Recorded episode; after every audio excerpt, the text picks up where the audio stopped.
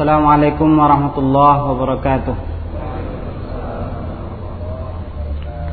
Innal hamdalillah nahmaduhu wa nasta'inuhu wa nastaghfiruh wa natubu ilayh wa na'udzu bihi min shururi anfusina wa sayyiati a'malina may yahdihillahu fala mudilla lah wa may yudlil fala hadiyalah أشهد أن لا إله إلا الله وأشهد أن محمدا عبده ورسوله صلى الله عليه وعلى آله وأصحابه ومن اهتدى بهداه.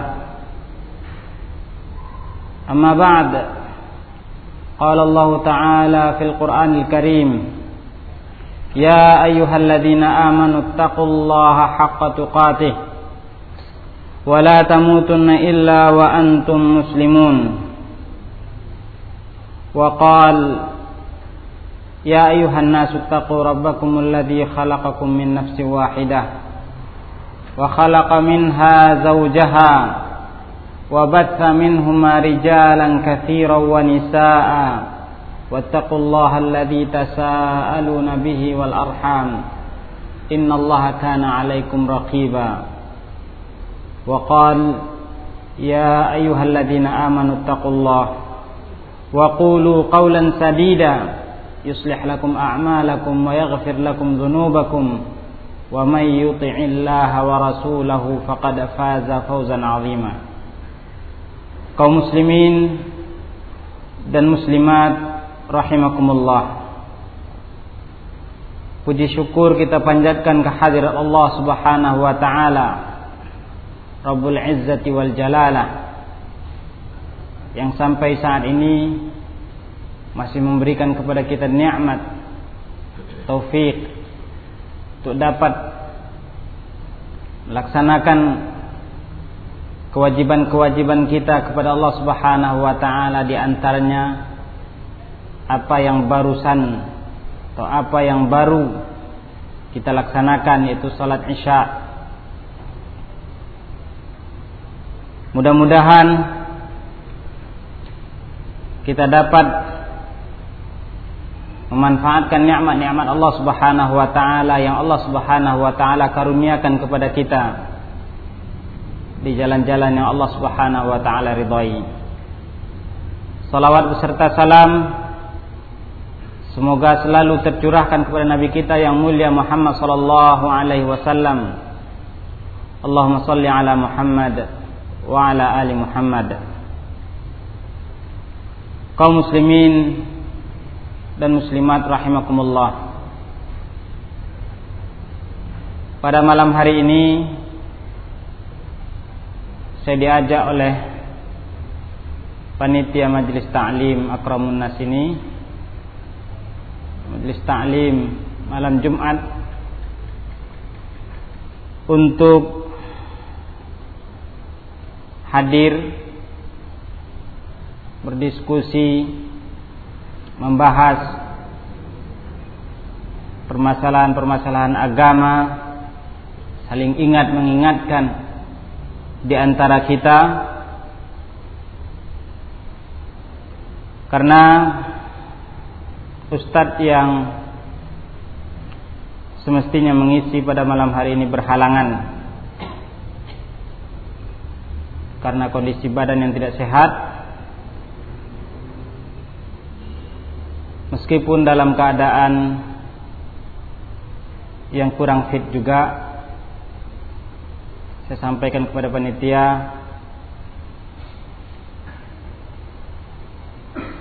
kan tapi karena panitia dalam bahasa apanya sudah membana apa membana deh bahasa Indonesia apa itu membana deh ah sungguh-sungguh eh, betul-betul memohon gitu. Sudah membana ya akhirnya iyalah Insya Allah saya bilang. Kami jemput Ustaz. Uh, mudah-mudahan kita bisa memanfaatkan waktu yang ada meskipun tidak lama juga insyaallah untuk saling nasihat menasehati, saling ingat mengingatkan. Karena Allah Subhanahu wa taala berfirman, "Wa dzakir fa inna dzikra tanfa'ul mu'minin." Dan ingatkanlah karena sesungguhnya peringatan-peringatan itu bermanfaat bagi orang-orang yang beriman. Kaum muslimin dan muslimat rahimakumullah. Mengawali kajian kita pada malam hari ini saya ingin mengajak kita semua untuk mendengarkan dan merenungkan firman Allah Subhanahu wa taala yang layak untuk kita renungi. Di dalam surat Hud Allah Subhanahu wa taala berfirman Man kana yuridul hayatad dunya wa zinataha nuwaffi ilaihim a'malahum fiha wa hum fiha la yubkhasun.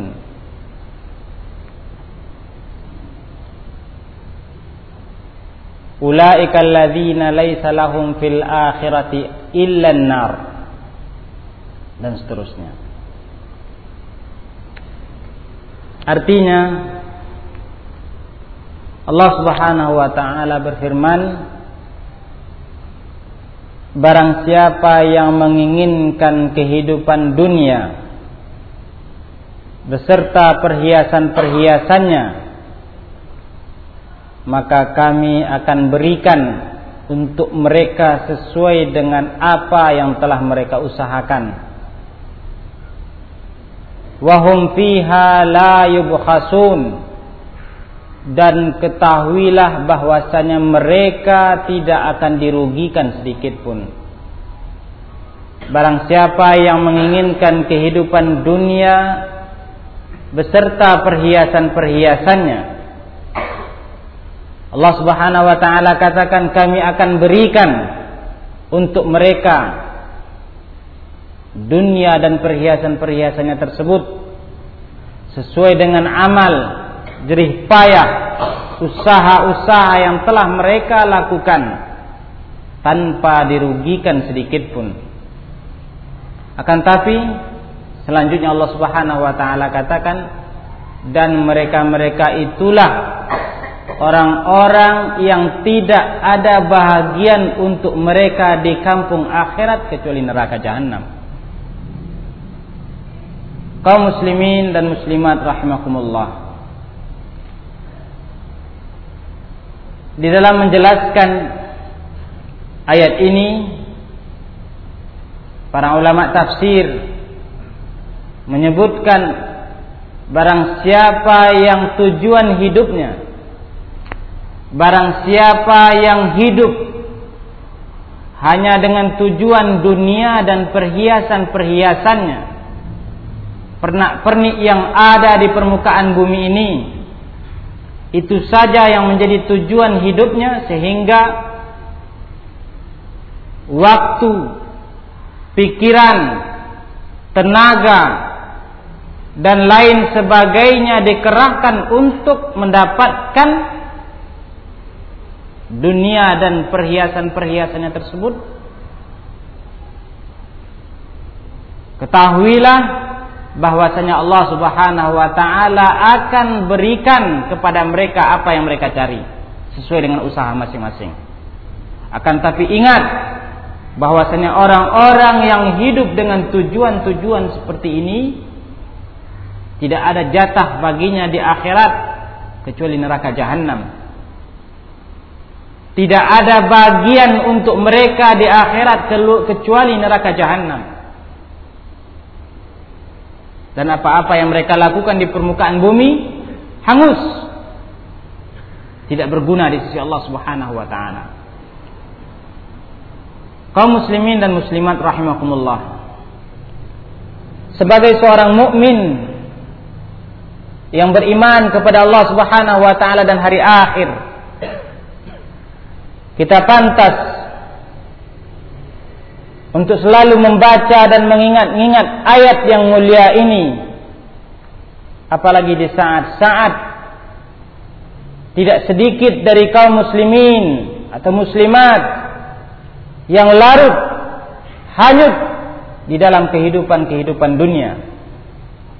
Lupa kewajiban-kewajibannya kepada Allah Subhanahu wa taala. Tidak ingat larangan-larangan Allah Subhanahu wa taala. Tidak lagi mengenal perintah-perintah Allah Subhanahu wa taala. Sehingga sebagian mereka mengingat, mengira bahwasanya apa yang akan mereka dapatkan itulah yang akan membuat mereka bahagia selama-lamanya. Kaum muslimin dan muslimat rahimakumullah. Betul. Di dalam kehidupan dunia ini atau di dalam kehidupan kita butuh kepada hal-hal yang dapat menopang kehidupan kita. Baik sandang ataupun pangan. Di dalam kehidupan di dunia ini kita butuh kepada hal-hal yang dapat mengantarkan kita untuk bisa hidup layak sehingga tenang beribadah kepada Allah Subhanahu wa taala. Oleh karenanya Allah Subhanahu wa taala tidak mengharamkan hamba-hambanya untuk bekerja, berusaha mencari rezeki. Allah bahkan perintahkan di dalam Al-Qur'an. Allah Subhanahu wa taala bahkan tegaskan, silakan ambil jatah kalian dari kehidupan dunia. Akan tapi setiap kita mesti ingat, harus selalu ingat bahwasanya apa yang kita dapatkan di kehidupan dunia ini hanyalah bersifat sementara. Allah Subhanahu wa taala berfirman di dalam surat Al-Qasas, "Wabtaghi fima ataka Allahu ad-daral akhirah wa la tansa nasibaka minad dunya." Dan carilah dari apa-apa yang Allah Subhanahu wa taala karuniakan kepada engkau untuk kampung akhirat. Berusahalah untuk kampung akhirat. Akan tetapi jangan lupa bahagian untuk kamu, jatah untuk kalian. Wala tansa nasibaka minad dunya. Itu dari kehidupan dunia. Allah Subhanahu wa taala halalkan kepada kita. Bahkan banyak makhluk-makhluk Allah Subhanahu wa taala yang Allah Subhanahu wa taala ciptakan untuk manusia. Allah Subhanahu wa taala halalkan at-thayyibat. Segala sesuatu yang baik-baik dan yang halal. Baik dalam bentuk binatang ataupun tumbuh-tumbuhan ataupun yang lain-lain. Allah Subhanahu wa taala berikan kesempatan bagi kita untuk bisa menikmati pemberian-pemberian nikmat-nikmat Allah Subhanahu wa taala tersebut. Akan tapi ketahuilah wahai kaum muslimin kesemua itu jangan sampai melalaikan kita sehingga lupa kepada perintah-perintah Allah. Lalai lupa terhadap larangan-larangan Allah Subhanahu wa taala. Kaum muslimin dan muslimat rahimakumullah. Tampaknya ketika melihat bagaimana manusia di dalam bersikap atau menyikapi kehidupan-kehidupan duniawi ini kita bisa golongkan mereka kepada tiga golongan. Yang pertama, ada sebagian mereka yang berlebih-lebihan, hulu, sehingga memandang bahwasanya dunia adalah segala-galanya. Dunia adalah tempat untuk mereka menikmati segala-galanya. Sehingga mereka mengira bahwasanya sur dunia adalah surga bagi mereka.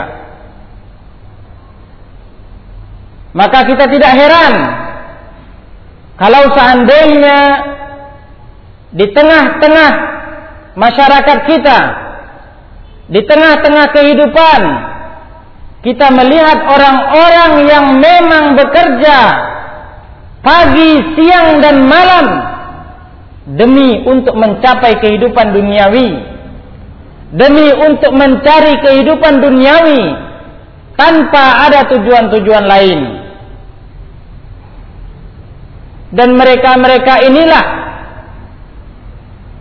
yang pantas, yang berhak untuk menerima firman Allah Subhanahu wa taala yang telah kita bacakan tadi. Ulaika alladzina laisa lahum fil akhirati illa nar. Mereka-mereka adalah orang-orang yang tidak ada jatah bagi mereka di kampung akhirat kecuali neraka jahanam. Neraka jahanamlah yang akan menjadi bahagian bagi mereka di kampung akhirat. Kelompok lain kita melihat ada sebahagian orang yang beranggapan bahwasanya kehidupan duniawi akan melalaikan hanya akan melalaikan mereka kemudian menjauhi dunia. Menjauhi kehidupan duniawi.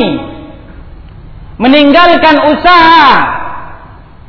Dan duduk di pojok-pojok masjid atau bangunan-bangunan dengan tujuan berzikir, berfikir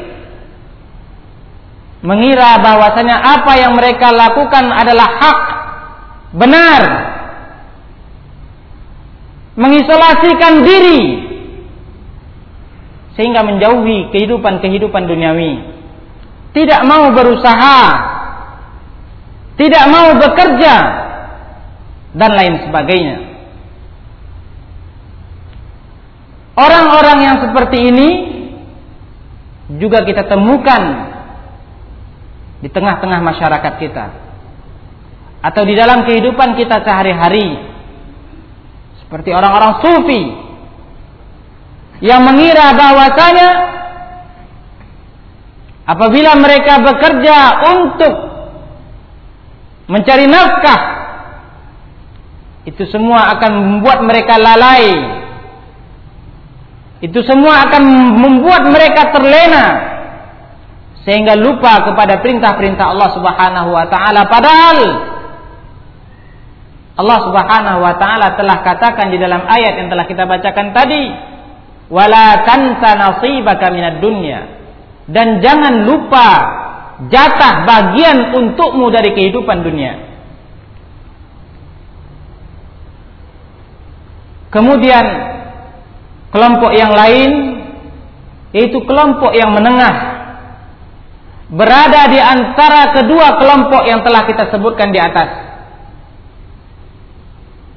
Mereka lah al-muslimun, al-mu'minun yang memahami perintah-perintah Allah Subhanahu wa taala dan rasulnya. Yang memahami hakikat perintah-perintah Allah Subhanahu wa taala dan rasulnya dengan hak, dengan cara yang benar. Mereka bekerja, mereka berusaha, mereka mencari nafkah. Akan tapi mereka tidak akan dilalaikan atau mereka tidak akan lupa kepada perintah-perintah Allah Subhanahu wa taala dan rasulnya. Dan cara hidup seperti inilah yang telah diajarkan oleh Rasulullah sallallahu alaihi wasallam bersama para sahabatnya kepada kita semua. Apabila kita lihat sejarah kehidupan Rasulullah sallallahu alaihi wasallam dan para sahabat maka kita akan lihat bahwasanya mereka adalah orang-orang yang berusaha di pagi harinya, di siang harinya atau di sore harinya. Akan tapi mereka tidak lupa kepada perintah-perintah Rabb mereka. Mereka tidak tidak lupa kepada perintah-perintah Allah Subhanahu wa taala. Mereka tetap beribadah. Mereka tetap melakukan perintah-perintah Allah Subhanahu wa taala salat, menunaikan zakat, berpuasa, mereka juga tetap ingat kepada larangan-larangan Allah Subhanahu wa taala ketika mereka berusaha. Dan cara hidup yang seperti inilah yang semestinya harus ditempuh oleh setiap mukmin. Gaya hidup seperti inilah, cara hidup seperti inilah yang semestinya harus ditempuh oleh setiap kita, oleh setiap mukmin yang beriman kepada Allah Subhanahu wa taala dan hari akhir.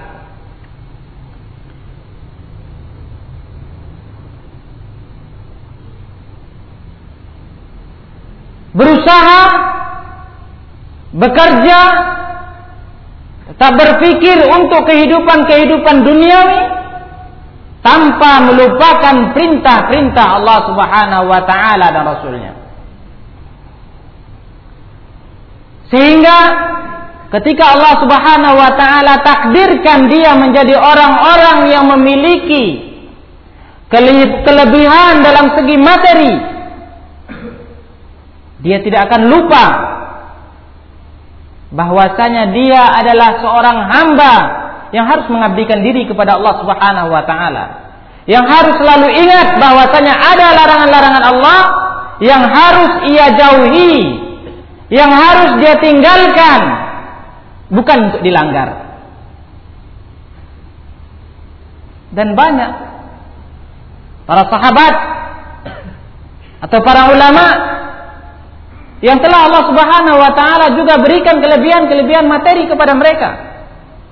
Sebahagian di antara mereka di majelis-majelis ilmu ketika mereka hadir di majelis-majelis hadis, kemudian habis penanya, tinta penanya, mereka sanggup untuk membeli pena tersebut dengan harga satu dinar, harga yang sangat tinggi.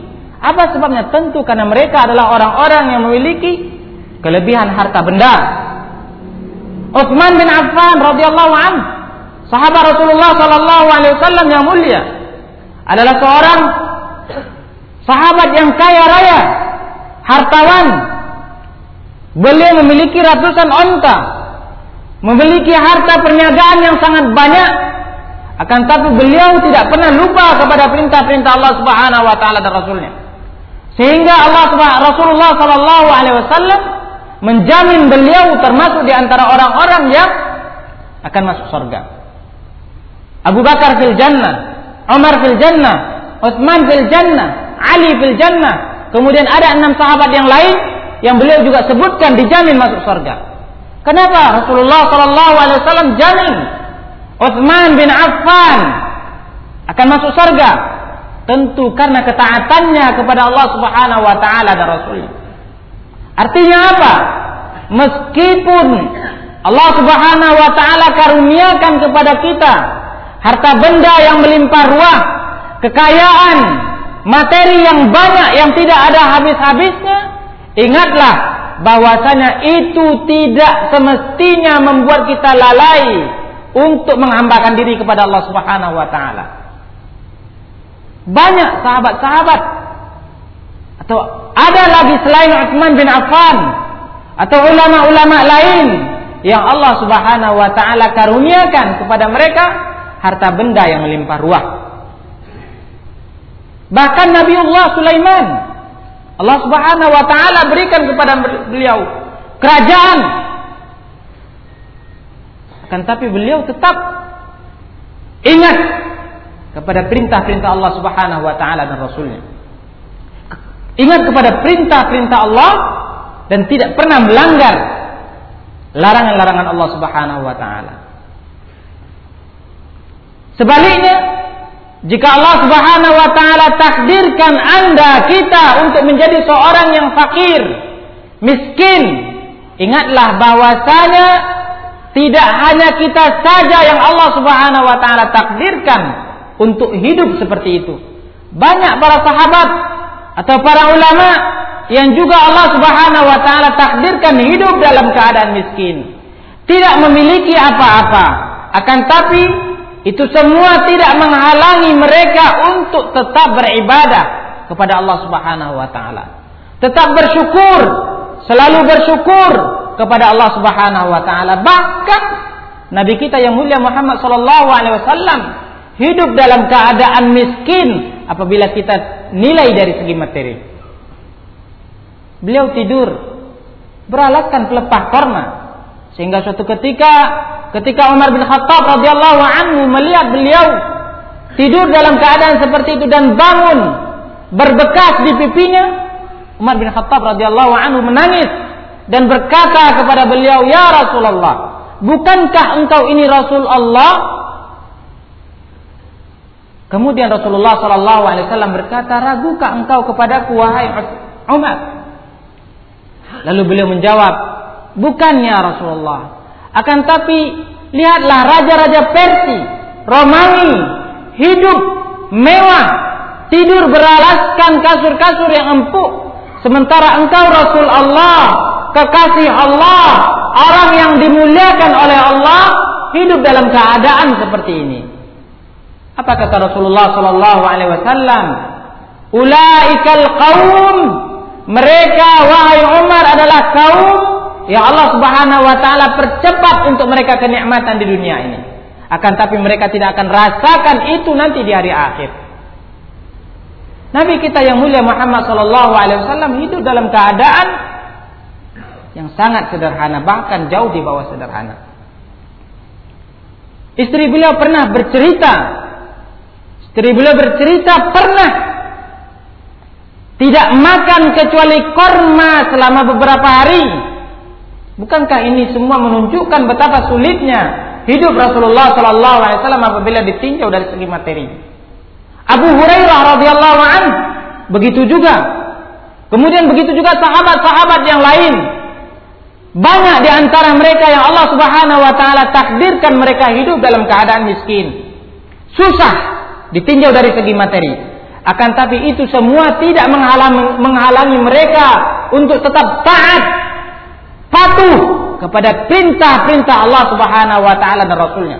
Bahkan mereka lah orang-orang yang paling taat. Mereka lah generasi-generasi yang paling taat, yang paling mulia. Makanya Rasulullah Sallallahu Alaihi Wasallam puji mereka. Khairul Qurun Qarni Sebaik-baik kurun masa adalah masaku. Kemudian setelah itu masa sahabat. Begitu juga para ulama setelah mereka banyak di antara mereka yang Allah Subhanahu wa taala takdirkan hidup dalam keadaan miskin, tidak berpunya, tidak memiliki harta benda yang banyak, akan tapi mereka tetap taat kepada Allah Subhanahu wa taala dan bahkan mereka tetap menikmati kemiskinan tersebut, menikmati kefakiran tersebut, bersyukur dalam keadaan fakir tersebut kepada Allah Subhanahu wa taala.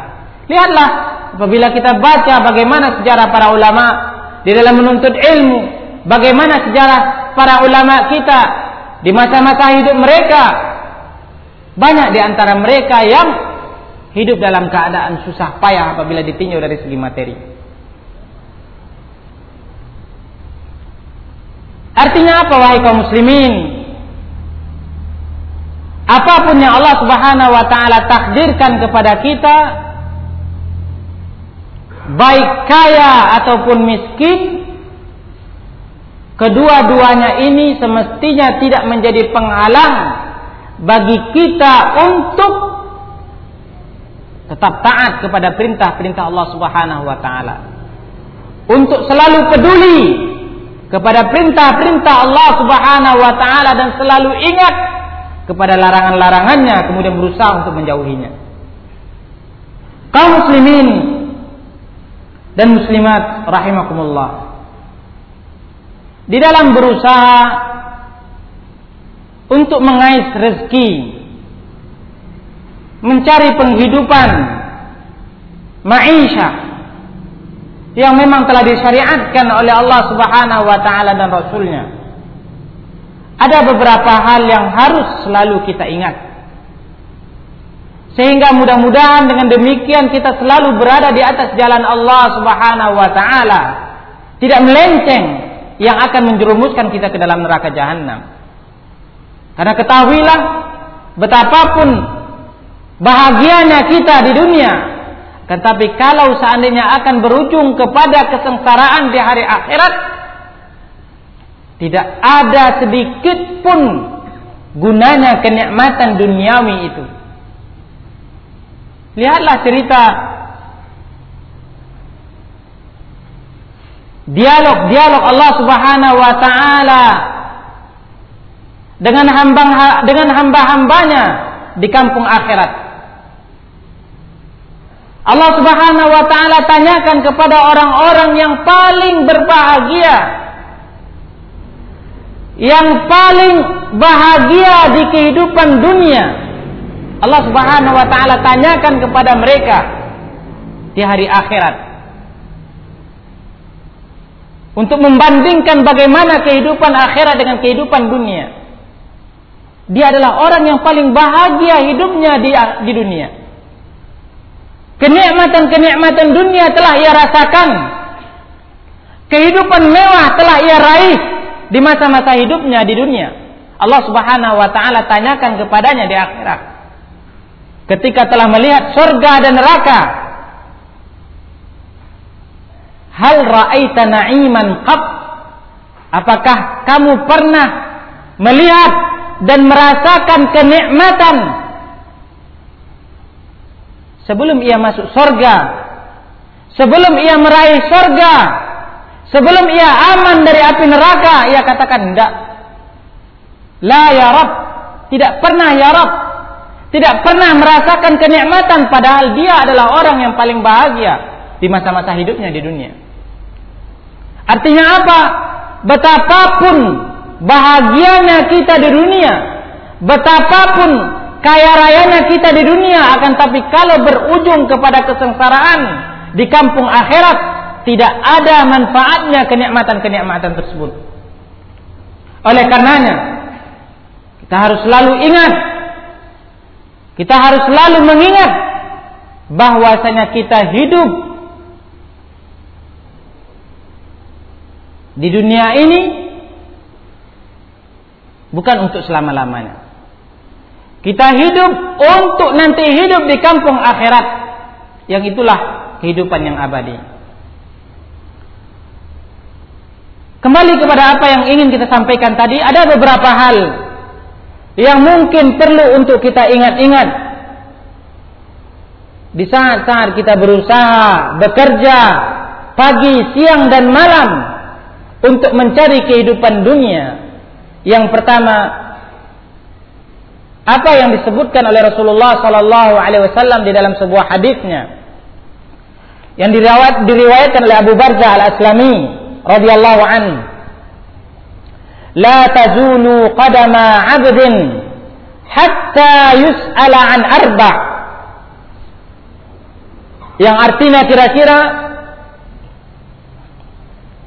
tidak akan beranjak pijakan kaki anak Adam di kampung akhirat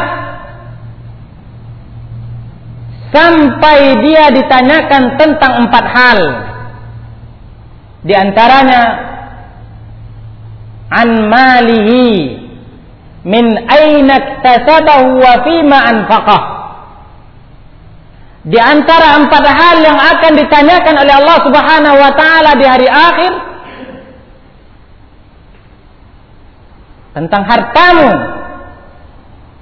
Harta benda yang telah engkau peroleh min aina kasabah? Dari mana engkau dapatkan? Dari mana dia dapatkan? Wa fima anfaqah dan kepada ke mana ia belanjakan? Artinya apa? Agar kita sadar dan tahu bahwasanya penghasilan-penghasilan yang kita dapatkan akan ditanyakan oleh Allah Subhanahu wa taala di hari akhir. Harta benda yang kita dapatkan di permukaan bumi ini akan ditanyakan oleh Allah Subhanahu wa taala di hari akhir. Dari mana kita dapatkan? Min aina kasaba? Apakah dari jalan-jalan yang halal Ataukah dari jalan-jalan yang diharamkan oleh Allah Subhanahu wa taala? Dari mana Anda mendapatkan harta? Dari mana Anda mendapatkan kekayaan-kekayaan yang telah Anda peroleh? Inilah yang akan Allah Subhanahu wa taala tanyakan di hari akhir. Termasuk di antara pertanyaan-pertanyaan awal yang akan Allah Subhanahu wa taala tanyakan. Apabila dia adalah seorang pegawai, apakah harta bendanya tersebut memang betul-betul didapatkan dari jalan-jalan yang dihalalkan? Bukan dari hasil riswah, togok, atau hadiah ummal, hadiah-hadiah yang diharamkan.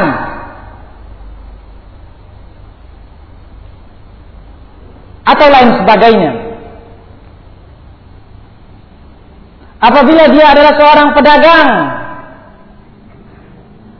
apakah harta benda yang ia perolehkan betul-betul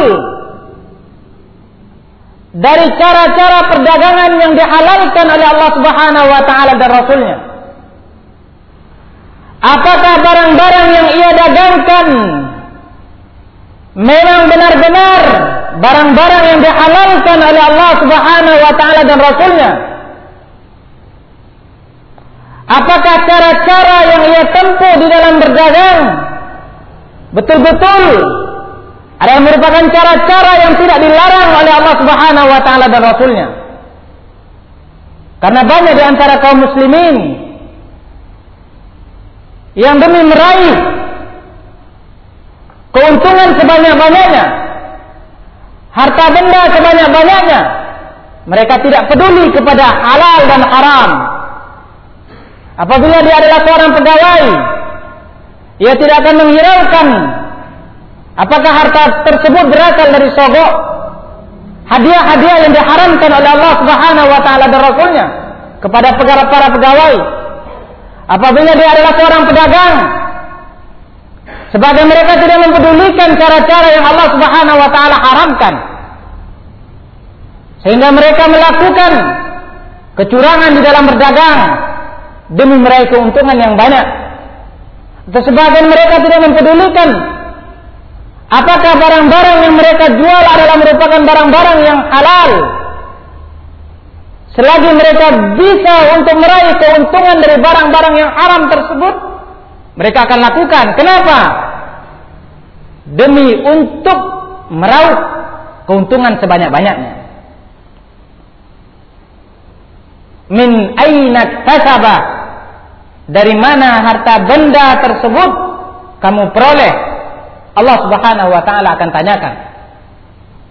Apabila dia adalah seorang guru Allah Subhanahu wa taala akan tanyakan apakah dia memang betul-betul sudah menunaikan haknya sebagai seorang guru atau dia hanya seorang guru yang hanya ingin mendapatkan gaji tanpa ada kerja sama sekali. Apabila dia adalah seorang pengusaha, Allah Subhanahu wa taala akan tanyakan juga kepada dia. Apakah benar bahwasanya harta yang Anda dapatkan betul-betul dari jalan-jalan yang dihalalkan oleh Allah Subhanahu wa taala. Tidak ada unsur sogok sama sekali untuk mendapatkan proyek-proyek. Tidak ada unsur riba. Karena kesemuanya tersebut adalah merupakan jalan-jalan yang diharamkan oleh Allah Subhanahu wa taala. La tazulu qadama 'abdin fil akhirah hatta yus'ala an arba tidak akan beranjak pijakan kaki seorang hamba di kampung akhirat sampai Allah Subhanahu wa taala sampai dia ditanyakan tentang empat hal di antaranya hartanya dari mana ia dapatkan? Maka sebagai seorang muslim sebagai seorang mukmin yang beriman kepada Allah Subhanahu wa taala dan hari akhir ini perlu untuk kita ingat. Ini perlu untuk selalu kita letakkan di hadapan kita sehingga mudah-mudahan di dalam berusaha mencari rezeki, bekerja pagi, siang dan malam, kita selalu berada di jalan di atas jalan Allah Subhanahu wa taala. Kemudian yang kedua yang perlu kita ketahui itu hadis Rasulullah sallallahu alaihi wasallam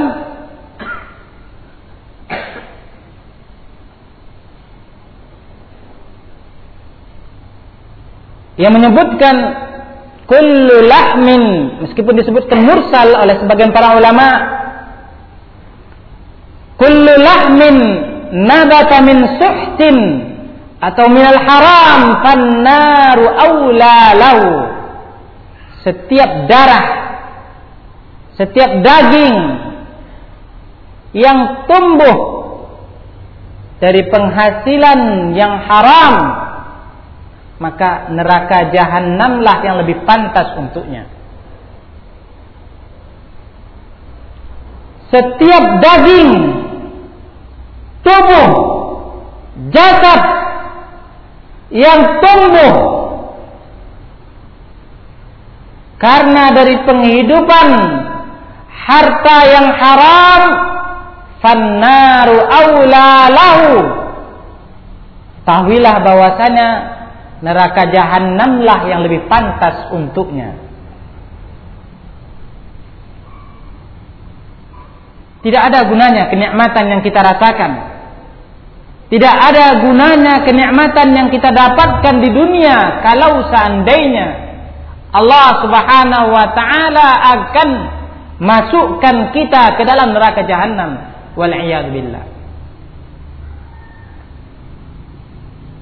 Ketika kita tahu ini dan yakin bahwasanya apa yang dikatakan oleh Rasulullah sallallahu alaihi wasallam hak pasti akan kita temukan maka insya Allah kita akan berusaha untuk menghindari segala sumber-sumber penghasilan yang haram. Bahkan apabila kita lihat bagaimana kehidupan para ulama keberhatian mereka untuk menjaga diri dari sumber-sumber yang haram maka kita akan temukan bahwasanya apa yang dikatakan oleh Rasulullah sallallahu alaihi wasallam ini betul-betul hak di mata mereka. Kita akan lihat bahwasanya mereka adalah orang-orang yang sangat takut terhadap Rasulullah, hadis Rasulullah Sallallahu Alaihi Wasallam yang mulia ini. Suatu ketika dihadiahkan kepada Abu Bakar radhiyallahu an sebuah makanan yang ketika beliau telah memakannya diberitahukan kepada orang yang memberikan hadiah kepada beliau bahwasanya harta tersebut, makanan tersebut adalah makanan yang ia peroleh dari penghasilannya dulu ketika dia menjadi dukun. Itu penghasilan haram. Apa yang dilakukan oleh Abu Bakar radhiyallahu an? Beliau langsung apa menjolok itu namanya? Bahasa Indonesia-nya apa menjolok? Apa? apa? Mengorek-ngorek, mencongkel mulutnya dengan jarinya untuk memuntahkan makanan tersebut. Apa sebabnya? Karena beliau takut, karena beliau tahu, beliau sadar tentang bahaya makanan-makanan yang berasal dari sumber yang haram. Berbeda dengan kita.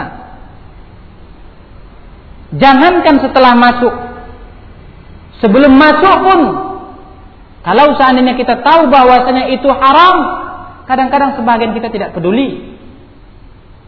Sebagian kita tidak mau berpikir, tidak mau pusing. Ambil pusing apakah ini berasal dari harta yang haram atau yang halal. Apalagi setelah masuk.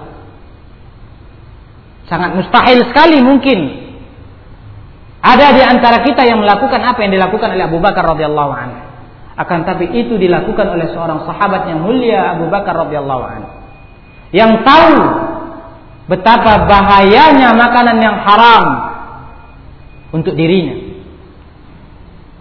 Apalagi bahaya makanan haram ini tidak hanya terbatas pada apa yang telah kita sebutkan tadi. Dia adalah merupakan penghambat doa kita. Penghambat sehingga doa kita tidak dikabulkan oleh Allah Subhanahu wa taala. Allah Subhanahu wa taala Rasulullah sallallahu alaihi wasallam jelaskan hal tersebut di dalam hadisnya. Thumma yuti thumma dzakara ar-rajul yutilu safara ash'atha aghbar yamuddu yadayhi ila sama yaqulu ya rab ya rab. Wa mat'amu haram. Wa malbasu haram. Wa ghudhiya bil haram. Fa anna yustajaba lah. Kemudian Rasulullah sallallahu alaihi wasallam menceritakan setelah menyebutkan tentang perintah-perintah Allah yang memerintahkan untuk mencari rezeki harta dari sumber-sumber yang baik dan halal. Kemudian beliau sebutkan tentang seseorang yang melakukan perjalanan yang sangat jauh. Yutilus safar, ash'atha akbar, lelah, lusuh. Di saat-saat seperti itu ia membutuhkan pertolongan dari Allah Subhanahu wa taala. Lalu ia menengadahkan tangannya ke langit seraya berdoa, "Ya Rabb, ya Rabb, ya Allah, ya Allah." Ia sebutkan hajatnya kepada Allah Subhanahu wa taala wa malbasu haram, wa mashrabu haram. Sementara harta yang dia pakai, pakaian yang dia pakai berasal dari sumber yang haram. Minuman yang dia minum berasal dari sumber yang haram. Wa bil haram, kemudian dia diberi makan dari sumber-sumber yang haram. Fa anna yustajabalah. Bagaimana Allah Subhanahu wa taala akan kabulkan doa orang yang seperti ini? Perhatikan. Lihat ketika kita berusaha bekerja membanting tulang apakah sumber-sumber yang kita tuju sumber-sumber rezeki harta yang kita tuju adalah merupakan sumber-sumber rezeki harta yang halal ataukah yang haram? Kemudian selanjutnya di antara hal-hal yang mungkin perlu untuk kita ingat bahwasanya apa yang kita dapatkan ketika kita bekerja berusaha dia tidak bersifat abadi.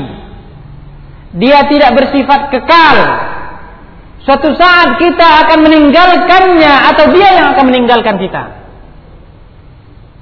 Suatu saat kita akan meninggalkan harta benda yang kita raih dengan susah payah itu dengan kematian atau mungkin dia akan meninggalkan kita karena kehilangan dan lain sebagainya. Ketika kita tahu bahwasanya apa yang kita dapatkan tidak akan selama-lamanya bersama kita, maka insya Allah kita tidak akan menjadi orang-orang yang tamak kepada kehidupan duniawi ini. Kita tidak akan menjadi orang-orang yang rakus kepada kehidupan duniawi ini.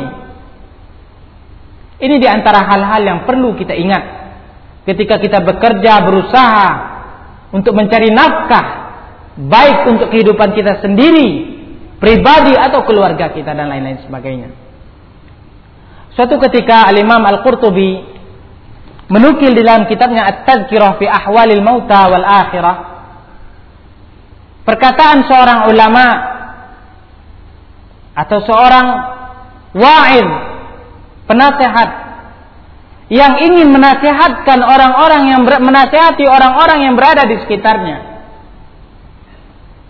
Tentang bahwasanya apa yang ia dapatkan di dunia ini bersifat sementara. Fana tidak kekal. Suatu ketika ia pergi ke kuburan setelah memakamkan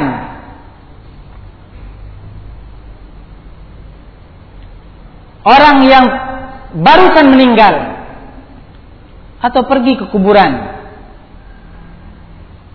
Beliau berdialog, beliau berbicara kepada orang-orang yang berada di perkuburan tersebut. Bukan berarti beliau gila atau bukan berarti beliau memiliki pemahaman-pemahaman yang tidak tepat. Akan tapi ini kadang-kadang dilakukan oleh sebagian para ulama dengan tujuan untuk menasehati orang-orang yang berada di sekelilingnya. Abu Bakar radhiyallahu an suatu ketika berbicara dengan Hajar Aswad. Bisa apa Hajar Aswad? Tidak punya mulut atau yang lain-lain. Tidak punya telinga untuk mendengarkan perkataan Umar bin Khattab radhiyallahu an. Akan tapi beliau berdialog, berbicara kepada Hajar Aswad dengan tujuan untuk memberitahukan untuk mengajari orang-orang yang berada di sekelilingnya tentang suatu pelajaran yang berarti. Abu Bakar Umar bin Khattab radhiyallahu anhu berkata kepada Hajar Aswad, "Inni la a'lamu annaka hajarun la tanfa' wa la tadur. Laula anni ra'aitu Rasulullah sallallahu alaihi wasallam qabbaltu qabbalak ma qabbaltuk." Sesungguhnya saya tahu bahwasanya engkau adalah batu yang tidak bisa mendatangkan manfaat atau mengelakkan mudarat bahaya. Kalaulah bukan karena saya pernah melihat Rasulullah Sallallahu Alaihi Wasallam menciummu, pasti aku tidak akan menciummu. Artinya apa? Umar bin Khattab radhiyallahu an ingin mengajari kepada orang-orang yang berada di sekitarnya bahwasanya apa yang dia lakukan adalah karena ingin mengikuti sunnah Rasulullah Sallallahu Alaihi Wasallam, bukan yang lain-lain.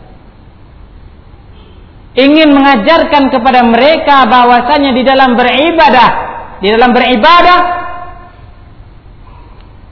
yang semestinya dilakukan oleh setiap orang adalah beribadah sesuai dengan tuntunan Rasulullah Sallallahu Alaihi Wasallam.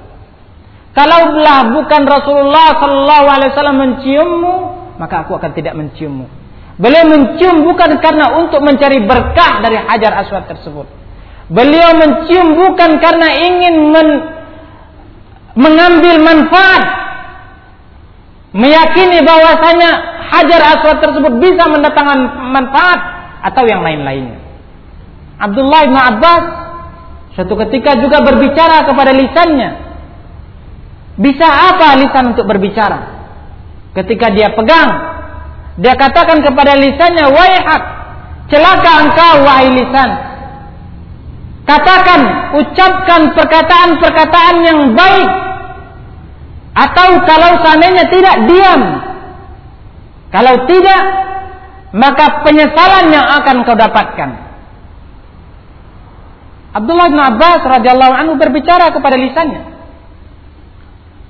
Tujuannya apa? Untuk memberitahukan, mengajari orang-orang yang berada di sekitarnya untuk berucap menggunakan lisan untuk mengucapkan mengatakan kata-kata yang baik bukan kata-kata yang mengandung dosa. Begitu juga apa yang dikatakan oleh salah seorang ulama yang didukil oleh Al-Imam Al-Qurtubi dalam kitab beliau yang telah kita sebutkan tadi. Setelah sampai di perkuburan ia mengatakan kepada orang-orang yang telah dikuburkan yang dulu mungkin telah bersusah payah untuk meraih kehidupan duniawi.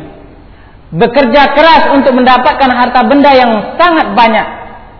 Bekerja, berusaha untuk mendapatkan istri yang cantik. Bekerja untuk memperoleh rumah yang mewah dan lain sebagainya. Ia katakan kepada penduduk-penduduk kampung akhirat tersebut. Karena kuburan adalah merupakan awal kampung akhirat ia katakan kepada penduduk-penduduk kubur tersebut, "Wahai para penduduk-penduduk kubur, apakah kalian sudah temukan apa yang Allah Subhanahu wa taala janjikan kepada kalian? Adapun berita tentang dunia ketahuilah bahwasanya harta benda yang, telu, yang dulu telah engkau raih dengan cara yang sangat susah yang telah engkau dapatkan susah payah sekarang telah menjadi rebutan orang-orang yang berada di dunia ahli warisnya orang-orang yang berada di dekatnya memperebutkan harta benda yang dulu telah ia raih dengan cara yang sangat susah payah. Sekarang harta benda yang telah engkau dapatkan dulu dengan susah payah telah menjadi rebutan bagi orang-orang yang berada di rumahmu. Orang-orang yang berada di sekitarmu dulu. Ketahuilah bahwasanya istri-istrimu yang cantik yang dulu engkau banggakan sekarang telah menjadi istri orang lain. Ketahuilah bahwasanya rumah mewah yang engkau bangun laksana istana sekarang telah dihuni oleh orang-orang lain. Adapun engkau apakah engkau telah temukan apa yang Allah Subhanahu wa taala janjikan dulu di masa-masa hidupmu di dunia? Kemudian setelah itu terdiamlah orang-orang yang berada sekitar. Artinya apa wahai kaum muslimin? Ketahuilah bahwasanya apa yang kita dapatkan, apa yang kita peroleh, apa yang kita usahakan tidak akan selama-lamanya bersama kita. Suatu saat ia pasti akan meninggalkan kita atau kita yang akan meninggalkannya. Ketika kita ingat ini semua, mudah-mudahan dapat membantu kita untuk mengikis sifat tamak, rakus kepada kehidupan-kehidupan duniawi sehingga tidak mempedulikan perintah-perintah Allah dan larangan-larangannya. Kaum muslimin dan muslimat rahimakumullah. Di penghujung kajian ini saya ingin mengajak kita untuk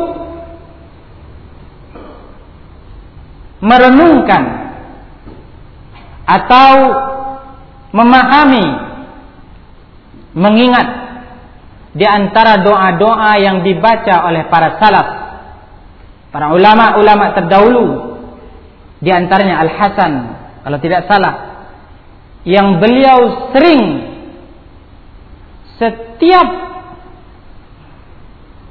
hadir di majelisnya tidak bangkit sebelum membacakan doa tersebut. Atau selalu berdoa dengan doa tersebut di dalam majelis-majelisnya dan dinukil dari beliau juga bahwasanya beliau mengatakan meyakini bahwasanya Rasulullah Sallallahu Alaihi Wasallam juga melakukan hal yang sama. Apa doa tersebut? Di antara isi doa itu yaitu wala taj'alid dunya akbar hammina wala mablagha ilmina Ya Allah dan janganlah engkau jadikan dunia tujuan utama dari kami keinginan kami yang paling tinggi dan janganlah engkau jadikan dunia sebagai keinginan kami yang paling utama. Lihat bagaimana beliau berdoa memohon kepada Allah Subhanahu wa taala agar tidak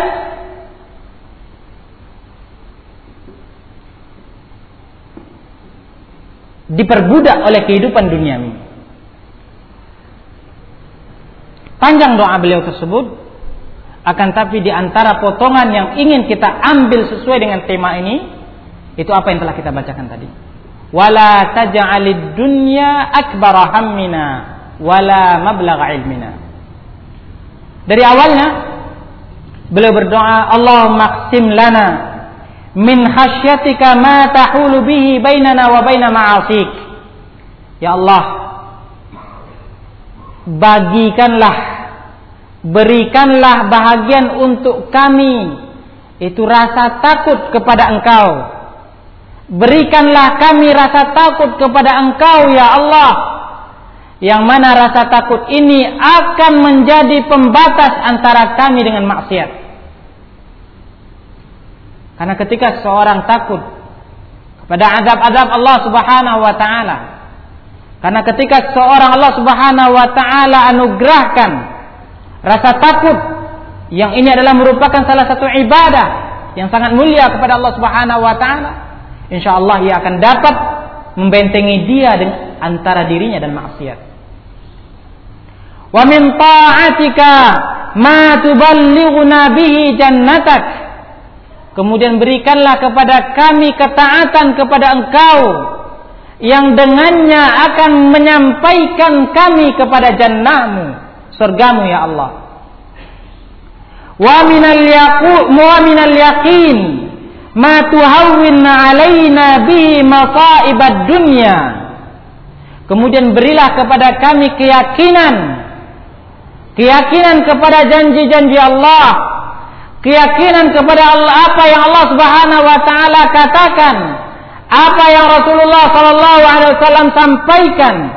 Berikanlah kepada kami keyakinan yang akan meringankan musibah-musibah dunia yang menimpa kami. Ketika kita ingat kepada janji-janji Rasulullah sallallahu alaihi wasallam, janji-janji Allah, janji-janji Rasulullah kepada orang-orang yang bersabar kepada maksiat-maksiat, eh, musibah-musibah yang menimpanya, insyaallah sabar untuk menghadapi musibah-musibah tersebut akan terasa mudah untuk dilakukan. Akan tetapi ketika dia tidak yakin kepada janji-janji Allah Subhanahu wa taala dan rasulnya, kepada orang-orang yang bersabar di dalam menghadapi musibah, maka sulit baginya untuk bersabar. Wa minal yakin ma tuhawwin alaina bihi masaibad dunya. Kemudian selanjutnya beliau berkata, Allahumma matti'na bi asma'ina wa absarina wa quwwatina ma ahyaitana waj'alhu al-waritha minna waj'al sa'rana 'ala man zalamana wansurna 'ala man 'adana Kemudian selanjutnya beliau baru bacakan apa yang telah kita bacakan tadi. Di antara doanya wala taj'alid dunya akbara hammina wala mablagha ilmina. Mudah-mudahan Allah Subhanahu wa taala menjadikan kita orang-orang yang tetap selalu taat kepada Allah Subhanahu wa taala yang selalu ingat kepada perintah-perintah Allah Subhanahu wa taala dan rasulnya dan selalu berusaha untuk menjauhi larangan-larangan Allah Subhanahu wa taala dan rasulnya di dalam kehidupan kita sehari-hari. Kaum musliman, kaum muslimin dan muslimat rahimakumullah, mungkin ini yang bisa saya sampaikan pada kesempatan kali ini menggantikan jadwal Ustadz yang semestinya hadir pada malam hari ini. Mudah-mudahan apa yang kita dengarkan dapat bermanfaat bagi kita semua, terkhusus bagi saya pribadi, kemudian dapat menjadi pedoman apa-apa yang telah kita dengarkan dari firman Allah Subhanahu wa taala ayat-ayat Al-Qur'an atau hadis-hadis Rasulullah sallallahu alaihi wasallam yang telah kita bacakan tadi dapat menjadi pedoman bagi kita di dalam kehidupan kita sehari-hari. Innahu waliyyu dzalika. Innahu waliyyu dzalika wal qadiru alaih. Selanjutnya mungkin untuk masalah tanya jawab tidak perlu lah ya. Uh, kita tiadakan aja dulu. Nanti kalau saya ada pertanyaan silahkan ditabung dulu, uh, disimpan. Kemudian suatu saat kalau seandainya ada uh, kesempatan untuk bisa ditanyakan, baik kepada saya sendiri ataupun ustaz-ustaz yang lain silahkan ditanyakan dicatat ya dicatat karena kadang-kadang ada pertanyaan sekarang tapi ketika tidak dicatat lupa waktu ingin menanyakan apalah kemarin pertanyaan yang saya tanyakannya padahal perlu padahal perlu. Makanya itu perlu untuk dicatat. Dan alangkah baiknya kalau saya dibukukan. Kemudian ketika ditanyakan dibukukan juga jawabannya. Mungkin nanti akan menjadi semacam kitab. Misalnya dibuat kitab pertanyaan-pertanyaan Mas Sugeng misalnya kan gitu kan. Ah itu. Itu dilakukan oleh para ulama dulu ya. Uh, makanya kalau misalnya kita lihat ada sualat Yahya bin Ma'in. Sualat siapa sualat siapa? Beliau bertanya kepada guru-gurunya tentang khususnya dalam masalah perawi-perawi hadis. Itu dikumpulkan. Sangat banyak. Uh, bagaimana itu bisa terjadi? Tentu ketika itu dibukukan. Kan tapi kalau misalnya pertanyaan-pertanyaan itu tidak kita bukukan, kita tidak tulis, maka dia akan hilang begitu saja lupa ketika kita ingin menanyakan lagi atau ketika kita butuh padahal itu sudah kita tanyakan, kita lupa apa jawaban Ustaz waktu itu. Maka alangkah baiknya kalau seandainya itu dicatat, kemudian setelah itu ditanyakan suatu saat, kemudian jawabannya pun dicatat. Dan itu e, termasuk di antara hal-hal yang alhamdulillah dulu sering saya lakukan karena saya punya pengalaman tentang itu dan itu bermanfaat.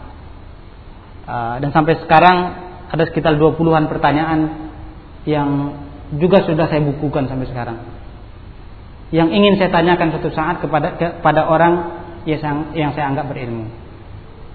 Nah, ini kalau ini Ustad nulis pertanyaan juga kan gitu, ah, tentu ah, yang lain-lain yang mungkin Allah Subhanahu Wa Taala berikan kelebihan dalam masalah lain akan tapi dalam masalah ilmu kurang lebih pantas lagi untuk ah, membukukan pertanyaan-pertanyaan itu.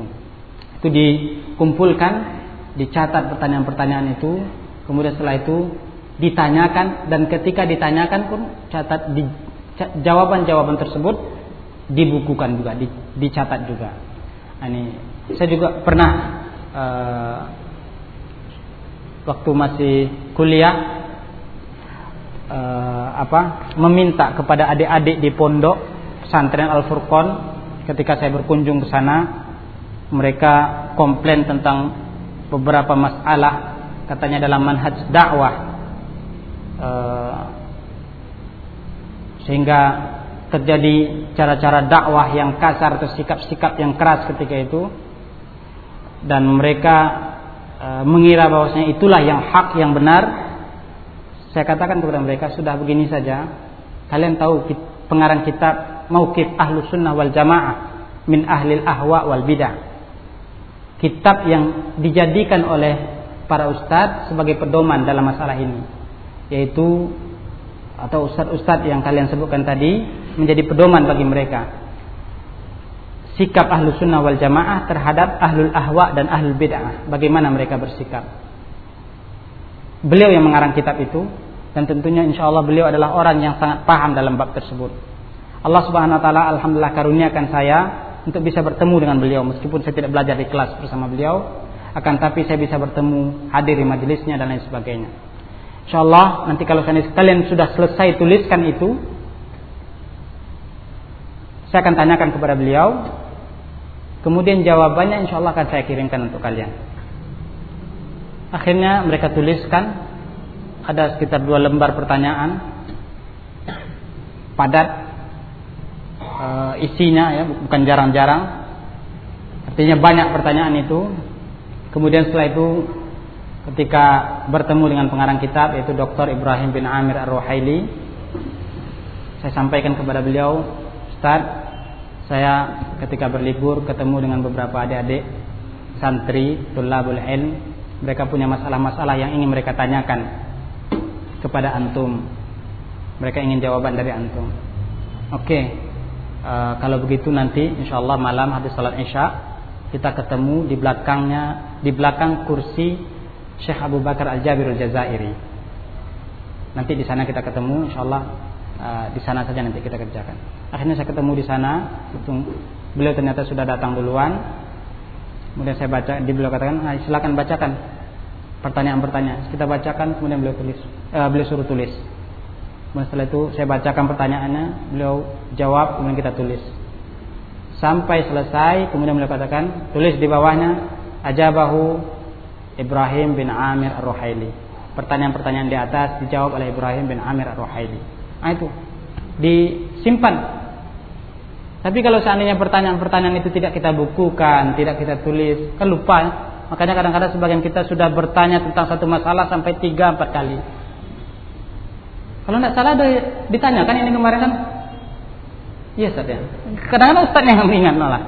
Nah, ini kan tidak uh, tepat cara-cara yang seperti itu. Jadi uh, disimpan dulu, biarkan sampai banyak, nanti baru ditanyakan.